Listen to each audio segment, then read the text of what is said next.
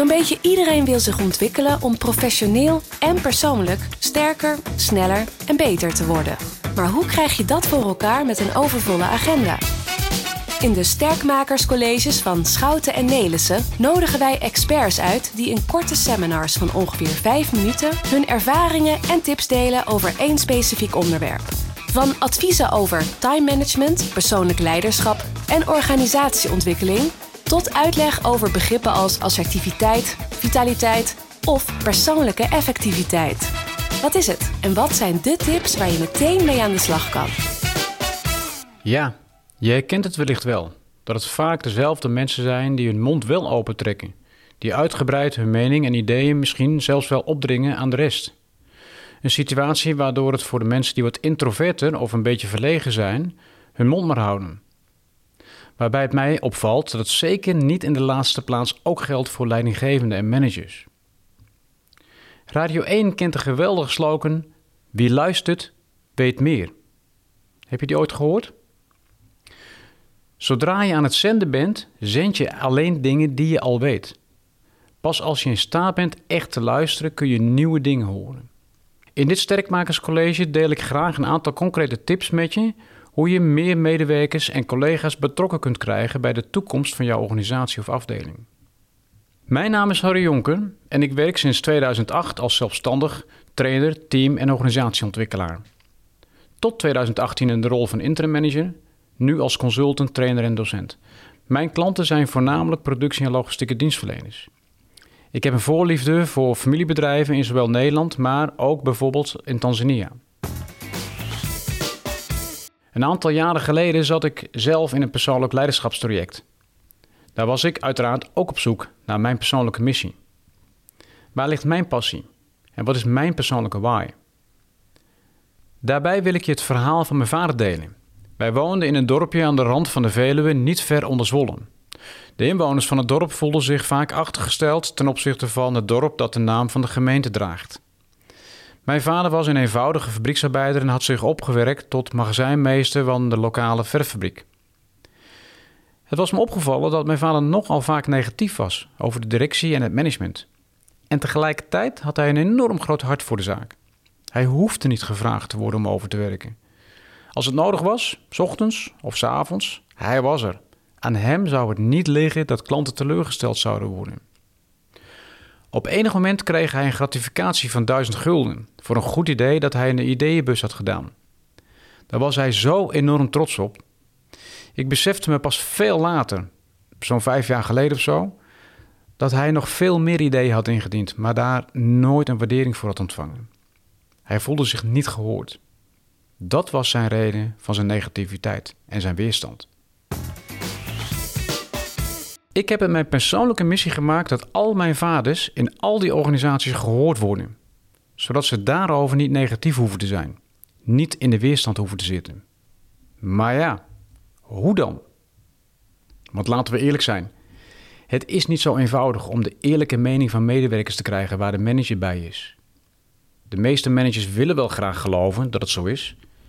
Ze denken vaak dat ze echt wel weten wat er op de werkvloer speelt. Vergeet het maar.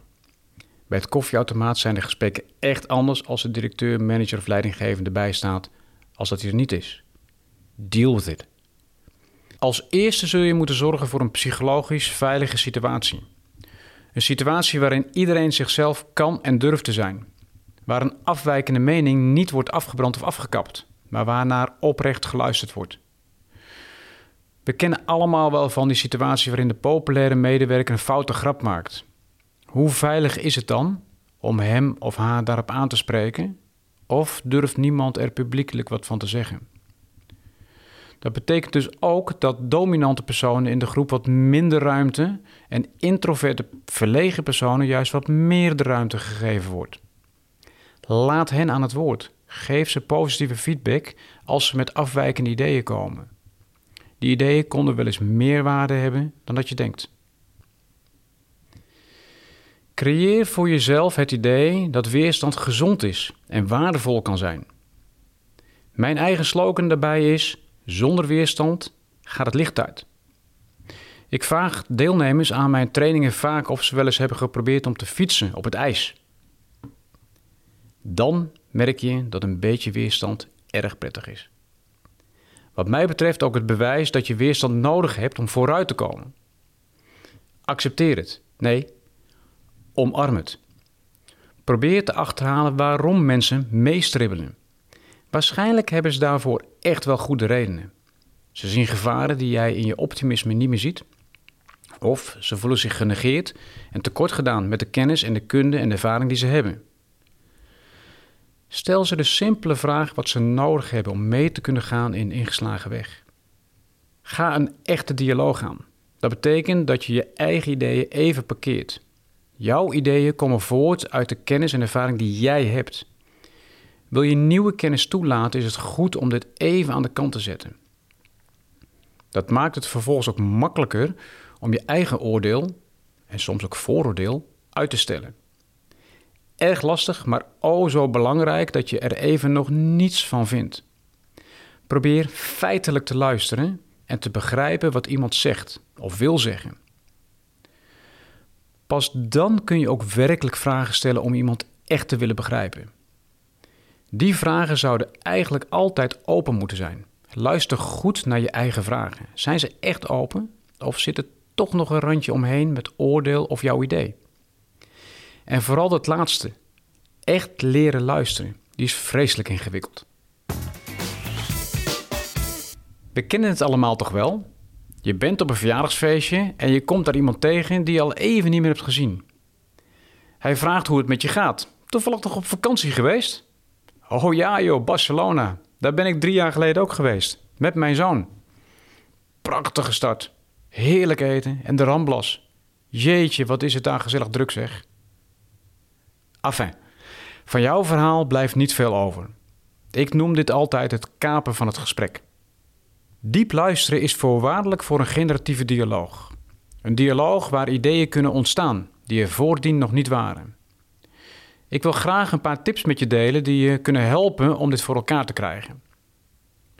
Wees je bewust van je eigen voorkeuren en overtuigingen. Die hebben we allemaal. Ze zijn gevormd door ons verleden, met wie we omgaan en maken wie we zijn. Wees je daarmee ook bewust dat iemand anders een ander verleden heeft, met andere mensen omgaat en dus een ander beeld van de wereld en de werkelijkheid heeft. Nog iets dat je zal helpen. Zet je eigen vooroordelen even in de ijskast. En focus je volledig op wat de ander te vertellen heeft en probeer hem of haar echt te begrijpen. Het werkt goed als je letterlijk een beeld of film probeert te vormen waar het over gaat. Je werkelijk proberen te verbeelden dus. En letterlijk beeld bij krijgen. Dan wordt het namelijk concreet en gemakkelijker om aanvullende vragen te stellen. Die gaan namelijk dan over het stuk waar het beeld nog niet scherp van is. Een andere tip die ik je mee wil geven: blijf je eigen ego opzij zetten. Probeer het verhaal van de ander dus niet te koppelen aan wat jij allemaal al weet of hebt meegemaakt. Stel oprechte en open vragen om hem of haar echt en nog beter te begrijpen. Goede vragen beginnen vaak met: wat maakt het dat? Of wat zouden de oorzaken of redenen kunnen zijn? Wellicht, welke ideeën heb jij over? Nou, vul maar in. Verplaats het gesprek vooral niet naar jouw ervaringen. En de laatste, en de meest moeilijke van alles, hou het vol. Want het is geen eenvoudige exercitie. In dit Sterkmakerscollege heb ik je mijn inzichten willen delen hoe je meer uit je medewerkers en collega's kunt halen. Door de kunst van het luisteren beter onder de knie te krijgen. Een vijftal jaar geleden werd ik zelf gegrepen door een aantal boeken, waaronder Theorie U van Otto Scharmer. Ik zal die boeken op de boekenlijst bij de show notes plaatsen. In Theorie U beschrijft Otto Scharmer uitgebreid zijn four levels of listening. Ik probeer dat zelf zoveel mogelijk toe te passen. En ik kan je vertellen dat het niet eenvoudig is. Vaak genoeg lukt het mij nog steeds niet. Het is een kwestie van blijven oefenen, veel doen en elke keer dat het lukt is weer winst. We zijn aan het einde gekomen van deze podcast. Ik wil je danken voor het luisteren en vervolgens heel veel luisterplezier toewensen in dialoog met je collega's, medewerkers, vrienden en familie. Bedankt voor het luisteren naar de Sterkmakerscolleges. Hopelijk heb je er nieuwe inzichten door gekregen. Maar echt sterker word je door wat met deze inzichten te doen. Dus waar wacht je op? Ga aan de slag. Kijk voor meer informatie op sn.nl/slash sterkmakers-podcast. En vergeet ons niet te volgen op Instagram en LinkedIn. @sterkmakers_podcast.